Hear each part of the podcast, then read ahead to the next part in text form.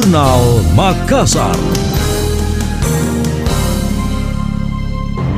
Akselerasi penggunaan energi bersih menjadi poin fundamental PT Vale dalam memastikan masa depan perekonomian dalam konteks keberlanjutan. Presiden Direktur PT Vale Indonesia Febriani Edi pada acara Sustainability Forum menjelaskan pihaknya telah membangun peta jalan guna menurunkan emisi karbon hingga sepertiga di tahun 2030 dan net zero pada 2050 mendatang. Bahkan pihaknya bersama partner dari Tiongkok telah berkomitmen menggunakan gas untuk pembangunan dan smelter baru di Sulawesi Tengah. Febri mengaku khusus untuk proyek tersebut butuh proses negosiasi hingga 9 bulan untuk bisa beralih menggunakan gas. Pihaknya pun harus rela mengurangi net present value atau NPV sebesar 200 juta dolar Amerika demi mewujudkan komitmen tersebut. Ke depannya PT Vali berambisi dan sudah kami canangkan secara publik akan menurunkan emisi karbon kami untuk skop 1 dan 2. Skop 1 2 dulu ya, skop 3 belum berani.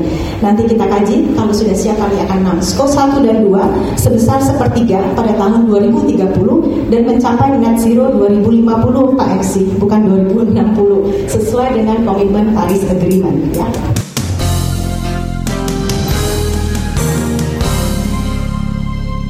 Sementara Eksekutif Director Institute for Essential Services Reform IASR, Fabi Tumiwa mengungkapkan, transisi energi berbasis fosil menjadi mutlak dilakukan agar ambisi nol emisi korban mampu menjadi keniscayaan. Menurutnya tahun ini pemerintah dan seluruh pemangku kepentingan harus berusaha keras meningkatkan pemanfaatan energi terbarukan. Pada 2025 mendatang, pemerintah harus mencapai target 23 persen bauran energi terbarukan dan setelah itu harus mengejar emisi emisi sektor energi mencapai puncaknya sebelum 2030.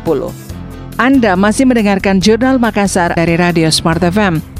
Yayasan Anak Bangsa Bisa YABB membuat program dalam mengatasi permasalahan akses air minum layak di sejumlah kota. Salah satunya di Makassar melalui kelompok Celebes Green Project yang akan memanfaatkan teknologi penuaian air hujan komunal serta penyaringan air minum skala rumah tangga sebagai sumber air alternatif di wilayah pesisir Kecamatan Talo. Kegiatan ini digelar bertepatan dengan Hari Air Sedunia 2022 sebagai aksi nyata menangani permasalahan air di Indonesia. Share Woman Yayasan Anak Bangsa YABB Monica Audang menjelaskan solusi inovatif ini melibatkan para startup, organisasi sipil masyarakat LSM, masyarakat, dan pemerintah. Pihaknya memilih permasalahan terkait air karena melihat dua isu pada tahun 2021 yang membutuhkan untuk bergerak bersama, seperti 70% akses air minum di Indonesia masih berasal dari sumber non-perpipaan yang meliputi air bawah tanah, kran umum, dan sumber lainnya. Tentunya memang kalau kita lihat di Indonesia bukan cuma tiga kota tersebut ya yang terdampak, tapi penentuan dari tiga lokasi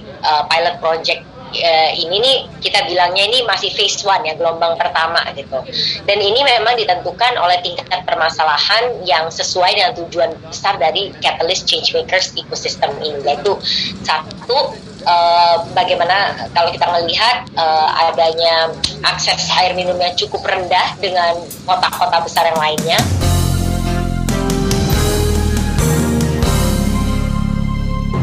Yayasan Anak Bangsa YABB menjawab masalah air dengan menggandeng mitra pelaksana Social Innovation Acceleration Program atau SIAP dan Bappenas.